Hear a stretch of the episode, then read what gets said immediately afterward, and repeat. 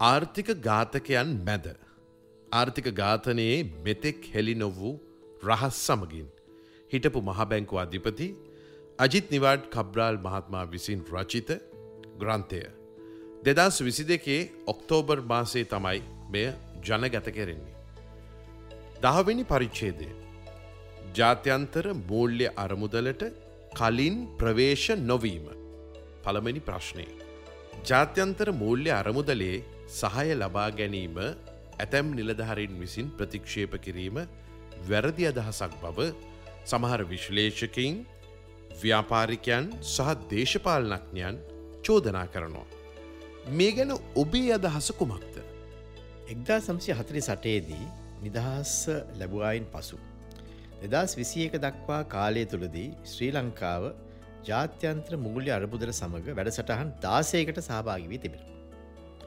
ඒවයින් සාර්ථකම වැඩසටහන වශයෙන් මහබැංකුව විසින්ම පිළිගනු ලබන්නේ දෙදස් නමේදී ක්‍රියාත්මක කරන ලද ඇමරිකානු ඩොලර් බිලියන දෙකයි දසම හයක පමණ සමීපස්ත නයක් ලබාගන්නා ලද වැඩසටහනයි.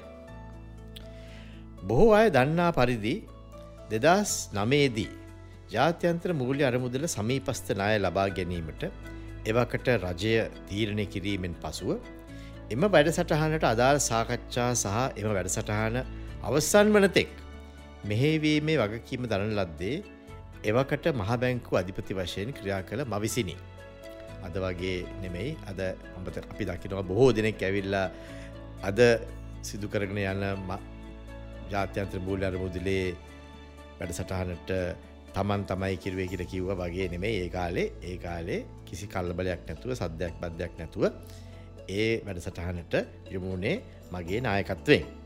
එබැවින් ජාත්‍යන්ත්‍ර මූල්‍ය අරමුදල වැඩ සටහන් වල ප්‍රතිලාභ සහ එහි අවධානම් පිළිබඳව ප්‍රායෝගික දැනුමක් මා සතුවන අතර ජාත්‍යන්ත්‍ර මූල්‍ය අරමුදල වෙත ප්‍රවේශවය යුත්තේ කුමන අවස්ථාවේදීද කෙසේද සහ කවදාද යන්න පිළිබඳවත් යම් ප්‍රායෝගික අවබෝධයක් මා සතුයි. එකල රට මුහුණ දෙමින් සිටි විවිධ ආර්ථික සමාජීය සහ දේශපාලන ප්‍රශ්න සන්දර්භය තුළ සමස්තයක් වශයෙන් රටට යහපත්ම සහ වඩාත්ම වාසිදායක ප්‍රතිලාබ ලබා ගැනීම සඳහා සාකච්ඡා කිරීමේ වගකීමද දරන්නට මාහට සිදු වූ බැවින් ශ්‍රී ලංකා ඉතිහාසේ සාර්ථකම ජාත්‍යන්ත්‍ර මූල්‍ය අරමුදල වැඩසටහන ක්‍රියාත්මක කිරීමේ යම් ගෞරයක් ඇත්නම් එයින් සැලකේ යුතු කොටසක් මට හිමිවේ යුතු බව අකමැත්තෙන් හෝ මට ප්‍රකාශ කරනට සිදුවෙන. ඒ අතරම එම වැඩසටහනට එළබෙන විට විවිධ බලගතු රටවලින් ශ්‍රී ලංකා වෙත එල්ල වූ පීඩනය බලහත්කාරකම් සියුම් තර්චනාත්මක අවවාද ගැනත් සමහර අමිහිරි අත්දැකීම් මා සතුවෝද ඒවා ගැන දැන් නොව යම් දිනක මාගේ ජීවිත කතාව ලියද්දී අපි ජනතාවට කියන්නට බලාපොරොත්තු වෙනවා. එපමණක් නොව මෙම පොතෙහි දෙවැනි පරිච්චේදේ දක්වා ඇති පරිදි ශ්‍රී ලංකා ආර්ථික ඉතිහාසය සාර්ථකම වකවානුව වශයෙන් දෙදස් හයසිට දෙදස් දාහතර වකවානුව සනිටුහන් කිරීමටද මා ඇතුළු එවකට බලධාරින්ට හැකි වූ බවත් ශ්‍රී ලංකික ආර්ථික දත්තවලින් ඉතා පැහැදිලිවම පෙනී යනවා. එසේ නම් එම සාර්ථක වැඩසටහන් සියල්ලම පාහේ සැලසුම් කිරීමටද ක්‍රියාත්මක කිරීමටද මූලික වූ පුද්ගලයකු වශයෙන් එම අත්දැකීම් තුළින් ජාත්‍යන්ත්‍ර මූල්‍ය අරමුදර සමඟ ගණුදනු කිරීම පිළිබඳව සෑහෙන අවබෝධයක් මා ලබාගෙන තිබේ යයි කිවහොත් එය නිවැරදි බව අපක්ෂපාතිී පුද්ගලයෙන් පිළිගන්නවා ඇති. ඉන් පසුව දෙදස් පහළවේ සිට දෙදස් දහනමේ දක්වා තිබූ රජයද දෙදස් දාසේ පමණ සිට ජාත්‍යන්ත්‍ර මූල්‍ය අරමුදර සමඟ වැඩසටහනක යෙදී සිටි බවත් සියලු දෙනා දන්නා කරුණකි. එහෙත් එම වැඩසටහන ක්‍රියාත්මක කරන අතරම රටේ දළදේශය නිෂ්පාධිතය වර්ධනය ඉතා සුළු අගයක් වූවා පමණක් නොව බදු ප්‍රමාණය වැඩිකර ගැනීම හැරෙන්න්නට සියලුම සාර්ව ආර්ථික සාධක පාහේ දරුණු පිරිහීමකට ලක්වුණා. ඒ ඉතාමත පැහැදිලිව දෙවැනි පරිච්චේදය සඳහන් කළ තිබෙනවා. එපමණක් නොව රටේ නයබරතාවේ තිවුණු ලෙස වැඩි වූ අතර ජාත්‍යන්ත්‍ර ස්වෛරී බැදුම් කර තොගය ඇමරිකානු ඩොලර් බිලියන දහයකින් වැඩි කිරීමටද ඒ රජයේ මූල්්‍ය බලධාරීන් කටයුතු කර තිබුණා.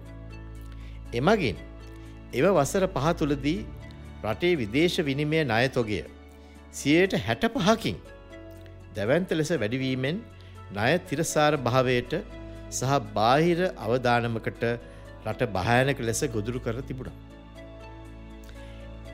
එහිදී මතබේදයට තුදුරුදුන් කරුණ වූයේ දෙදස් පහළවේ සිට දෙදස් දහනමය කාලය තුළදී මෙලෙස්ස නිර්මාණය වූ විදේශ ණය අර්බුදය සම්පූර්ණයෙන්ම පාහේ ගොඩ නැගුණේ ශ්‍රී ලංකාව ජාත්‍යන්ත්‍ර මූල්‍ය අරමුදල සමඟ වැඩසටහනක් ක්‍රියාත්මක කරමින් පවතින අධියරයක වීමයි. එනම් මෙම ණය අර්බුදය නිර්මාණය වන සමයේදී ජාත්‍යන්ත්‍ර මූල්‍ය අරමුදලද ඒ කාලයේදී දියත් කරනු ලැබූ දරුණු ලෙස විදේශ ණය ගැනීම වැඩසටහනට වක්‍රාකාර ලෙසවත් ආශිර්වාදයක් සහ අනුමැතියක් ලබාදුන් පාර්ශ්වයක් වුණා. එම වැඩසටහන්නේ තවත් අතිභායනක කොටසක් වූයේ දෙදස් දහට අප්‍රේල් සිට දෙදස් දහනමේ ජූනි දක්වා මාස පහලවක කාලයක් තුළදී. ශ්‍රී ලංකාව ඇමරිකානු ඩොලර් මිලියන හයදස් නමසීයක දැවන්ත විදේශ ණය මුදලක් ජාත්‍යන්ත්‍ර ස්වෛරී බැඳුම් කර ලෙස ණය ගැනීමෙන් ආර්ථිකය දරුණු ලෙස විදේශ විනිමය අවධාන මට්ටමකට පත්කරවීමයි. ඒ කාලයේදී මේ ණයගන්න කාලයේදී ජාත්‍යන්ත්‍ර මුගුල්්‍ය අරමුදල ශ්‍රී ලංකාවේ එක්ක වැඩ සටහනක යෙදී සිටිපු කාලයක්. ඒ තීරණය ගනිද්දීත් ජාත්‍යන්ත්‍ර මූල අරමුදල ශ්‍රී ලංකා පසු පසින් සිටීම තවත් ඇදැහි නොහැකි කරුණකි. මෙම තත්ත්වය වැඩිදුරටත් විස්තර කරන්නේ නම්. මේ සියලු අවදානම් වැඩිවීම සිදුවූයේ ශ්‍රී ලංකා රජය ජාත්‍යන්ත්‍ර මූල්‍ය අරමුදල සමඟ වැඩසටහනක් හරහා සමීපව කටයුතු කරන අතරමය. මෙහිදී මතුවෙන මූලික ප්‍රශ්නය වන්නේ එදා එලෙස ශ්‍රී ලංකාව සහ ජාත්‍යන්ත්‍ර මූල්‍ය අරමුදල වැඩසටහනක යෙදී සිටිමෙන් ශ්‍රී ලංකාව විදේශ වානිජ ණය තොග පිටින් ගන්නා විට ඒ පිළිබඳව කිසිදු අනතුරු ඇඟවීමක් නොකළද ඊට මාස කීපයකට පසු ජාත්‍යන්ත්‍ර මූල්‍ය අරමුදලේ මතය ඊට හාත් පසින්ම වෙනස් වූයේ කෙසේද යන්නේ. එපමණක්ද නොව එවකට මහබැංකු අධිපති වශයෙන් කටයුතු කළේ ආචාර්ය ඉන්ද්‍රජිත් කුමාරසාමි වූ අතර ජේෂ්ඨ නියෝජ්‍ය අධිපති වූයේ මීට පෙර ජාත්‍යන්ත්‍ර මූලි අරමුදලේ විකල්ප විදායක අධ්‍යක්ෂක වශයෙන්ද සේවය කළ ආචාරය නන්දලාල් වීරසිංහය. තවද වර්තමාන බාණ්ඩාගාර ලේකම් මහින්ද සිරිවාදන ඒ කාලයේදී සේවය කළේ ජාත්‍යන්ත්‍ර මූල්‍ය අරමුදලේ විකල්ප විදායක අධ්‍යක්ෂකවරයකු ලෙසය. ඉහත කී ආකාරයට මෙලෙස රටේ ණය අවධානම උග්‍රවන විට මේ තිදෙනා කිසිදු අනතුරු ඇගවීමක් නොකර සිටීමද අභිරහසයකට තුඩු දෙන කරුණක් වනු ඇති බවද පැහැදිලිවම පෙනී යනවා. එමෙන්ම ජාත්‍යන්ත්‍ර මූල්‍ය අරමුදලද එලෙස සිදු වූ දැවන්ත විදේශ විනිමේ ණය ගැනීම් පිළිබඳව දැඩි නිශ්ශබ්දතාවයක් අනුගමනය කළා. එහෙත් එකල විවේචනය නොකළද දෙදස් විසි එකේ සිට පමණ ශ්‍රී ලංකා විදේශනය දෙදස් දහනමේ අග මට්ටමේට වඩා අඩුවී තිබියදීත් එම ණය තිරස්සාර නොවේ යයි පැවසීමට ජාත්‍යන්ත්‍ර මූල්‍ය අරමුදල පටන් ගත්තා. ඔවුන් එසේ කීවද ඇත්ත වශයෙන්ම දෙදස් විස්සේ සිට දෙදස් විසි දෙක මාර්තු දක්වා වෙනත් විවිද්ධ මාර්ග ඔස්සේ දවීපාර්ශික ණය මුදල් සහ වෙනත් ණය නොවන විදේශ විනිමය මුදල් ගලායම් සහ නව මාවත් හරහා විදේශ විනිමේ ලබා ගනිමින් සියලු ණය පියවා ගැනීම් සාර්ථකව කර ගැනීමට ශ්‍රී ලංකා රජය සමත් වුණා. එපමණක් නොව දෙදස් විස්සේ සහ දෙදස් විසි එකේදී ශ්‍රී ලංකාවේ විදේශ නයවර්තාවය අඩු කරගන්නටත් සමත් වුණා. ඊට පසුව අපේක්ෂිත ගලායෙන් ඔස්සේ රජයට ණයගෙවා ගැනීමේ හැකියාව පැහැදිලිව තිබුණද. ජාත්‍යන්ත්‍ර මූල්‍ය අටමුදලේ එම සැක සහිත ස්ථාවරය තහවුරු කරමින් කිසියම් අත්භූත හේතුවක් නිසා දෙදස් විසි දෙක අප්‍රේල් දොළොස් වනිදා සිට ණය නොගෙවනවා යැයි මහබැංකු අධිපති වීරසිංහ සහ බාණ්ඩාගර ලේකම් සිරිවර්ධන ප්‍රකාශ කළා. මෙහිදී ඉහතකී දෙදෙනාම මීට පෙර ජාත්‍යන්ත්‍ර මූල්‍ය අරමුදලේ විකල්ප විදායක අධ්‍යක්ෂකවරු ඕල්ටනේට් එක්කටිව් ඩෙක්ටස්ල කියල කියනවා. ලෙස සේවය කර තිබූ අතර මේ වන විටත් අධිපති වීරසිංහ එම අරබුදලේ විශ්‍රාම වැටපක් ලබන බවට තොරතුරු ප්‍රචාරය වී තිබෙනවා. එසේ නම් ජාත්‍යන්ත්‍ර මූල්‍ය අරමුදල සමඟ ශ්‍රී ලංකාව ගණු දෙන්න වලදී ඔවුන් දෙදෙනා ඇත්ත වශ්‍යයෙන්ම එම අරමුදලේ ග්‍රහණයෙන් මිදී ඇත්දැයි ප්‍රශ්නයක් පතුවන අතරම ඔවුන් යම් රිජු අරමුණු පිළිබඳව ගැටුමකින් ඉංග්‍රීසින් කියනව කොන්ෆලික්් of ඉන්ට්‍රස්ට් කියලා පෙළෙන්නේ ද යන්නත් අදාළ ප්‍රශ්නයකි. දෙදස් විසි දෙක සැප්තැම්බර් තිස්වනිදා වන විට. ශ්‍රී ලංකා රජය ජාත්‍යන්ත්‍ර මූල්‍ය අරමුදල සහන පතා මාස හයමාරකට වඩා වැඩි කාලයක් ගත වී අවසානයි. එහෙත් මාස හයමාරකට පසුවත් ජාත්‍යන්ත්‍ර මූල් අරමුදලෙන් කිසිම මුදලක් නොලැබුණා පමණක් නොව. ලෝක බැංකුව හෝ ආසියානු සංවර්ධන බැංකුව හැරෙන්න්නට වෙනත් කිසිම ණය දෙන රටකින් හෝ ආයතනයකින් කිසිදු ණයක් ලබා ගැනීමට ශ්‍රී ලංකාවට හැකිවී නැහැ.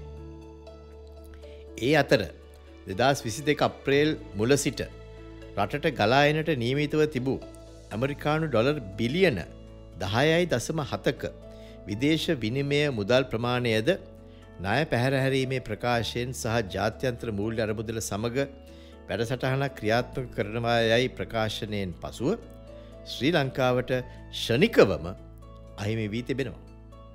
එලෙස්ස ණය ලබාදීමට එකඟ වී තිබූ සියලුම රටවල් සහ ආයතන දැන් පවසන්නේ ජාත්‍යන්ත්‍ර මූල අරමුදලේ වැඩසටහනට සාර්ථකව ආරම්භ වී ක්‍රියාත්මක වූවායින් පසුව. ඒ අය ශ්‍රී ලංකාවට මුදල් ලබාදීම සලකා බලන්නට බලාපොරොත්තු වෙන බවයි.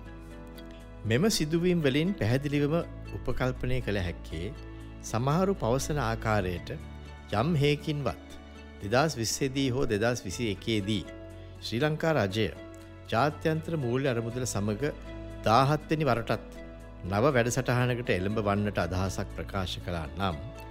එතැන් සිටම වෙනත් පාර්ශ්වලින් ලැබෙන මුදල් අත්විටවීමට බොහෝදුරට ඉඩ තිබූ බවයි. ඒ අනුව දෙදස් විස්සේදී හෝ දෙදස් විසි එකේදී ශ්‍රී ලංකාව ජාත්‍යන්ත්‍ර මූල්‍ය අර්මුදල සමඟ වැඩසටහනකට එළබෙන්න්නට කටයුතු ආරම්භ කොට. ඉන් පසුව කුමන හේතුවක් නිසා හෝ දැන් සිදුවෙන ආකාරයට එම වැඩසටහන කල් ජනු ලැබවා නම්. දෙදස් විස්සේදී හෝ දෙදස් විසි එකේ දීම ශ්‍රී ලංකාවේ ආර්ථික ප්‍රශ්න ඉතා උග්‍රවන්නට ඉඩ තිබූ බවයි. එසේ සිදුවන විට එකල කොවිඩ් වසංගතයත් උත්සන්න වී තිබූ නිසා ශ්‍රී ලංකාව සමහරවිට ඉතා ඉතා දරුණු උවදුරකට ලක්වන්නටත් ඉඩ තිබුණා. එපමණක් නොව එසේ වූවා නම් දෙදස් විසි එකය සිට දෙදස් විසි දෙක මාර්තු මාසය දක්වා ශ්‍රී ලංකාව ලබාගෙන තිබූ ඇමරිකානු ඩොලර් බිලියන පහක් පමණ මුදල් අනිවාර්යෙන්ම නොලැබෙන නිසා ශ්‍රී ලංකාව ඉතා අසරණ මට්ටමකට ඉක්මනින් පත්වෙනටත් ඉඩ තිබුණා. මේ වන විට ශ්‍රී ලංකාවේ උද්දම්මනය සිට හැත්තෑවක පමණ අගේ දක්වා වැඩිවෙන්නට එක් මූලික හේතුවක් වී ඇත්තේ ජාත්‍යන්ත්‍ර මූල්‍ය අරමුදල විසින් පණවුණු ලබන පෙරකොන්දේසි ප්‍රීකන්ඩිෂන්ස් ප්‍රයක්ෂන්ස් වලට අනුව ශ්‍රී ලංකා රජයට ක්‍රියාත්මක වන්නට සිදුවීම බව අකමැත්තෙන් බෝද අපට පිළිගන්නට සිදුවෙනවා. එපමණක් නොව ආහාර උද්දම්මනය සිට අනූපහක්ක මට්ටමේද ගමනා ගමන උද්දමනය සිට එකසිය පණහාක අගේකද අද පවතිනවා. ඒ අනුව ශ්‍රී ලංකාවේ කොවිඩ් වසංගතය දරුණු ලෙස පැතිර යමින් තිබියදීම බහන්්ඩ සහ සේවා මිල ගණන්ද දැන් සිදුවන ලෙසම දැවන්ත ලෙස වැඩිවී තිබුණා නම් එයින් ජනජීවිතයට විඳින්නට සිදුවන දැවන්ත පීඩනයද ජනතා අසහනයද සමහර විට ශ්‍රී ලංකාවට රටක් වශයෙන් දරාගන්නටත් බැරිවෙන මට්ටමකට උත්සන්න වන්නටත් තිබුණා. මේවායින් තහවුරු වන්නේ එදා එකැන දෙදස් විස්සේදී හෝ දෙදස් විසි එකේදී. බොහෝ ව්‍යාපාර කොවිඩ් අගුළු දැමීම් නිසා ලොක්ඩවුන් නිසා. වසා තිබූ අවස්ථාවකදී. දැන් ක්‍රියාත්මක වෙන ආකාරයේ ජාත්‍යන්ත්‍ර මූල්‍ය අරමුදල පෙරකොන්දේසි ක්‍රියාත්මක කිරීමට සිදු නොවූ නිසා මෙම අර්බුදය ඉතා දරුණු මට්ටමකට උත්සන්න වීම වලක්වා ගන්නටත් ජීවිත දහස් ගණන් විනාශ නොවන්නටත් එම තීරණය උපකාරී වී ඇති බවයි.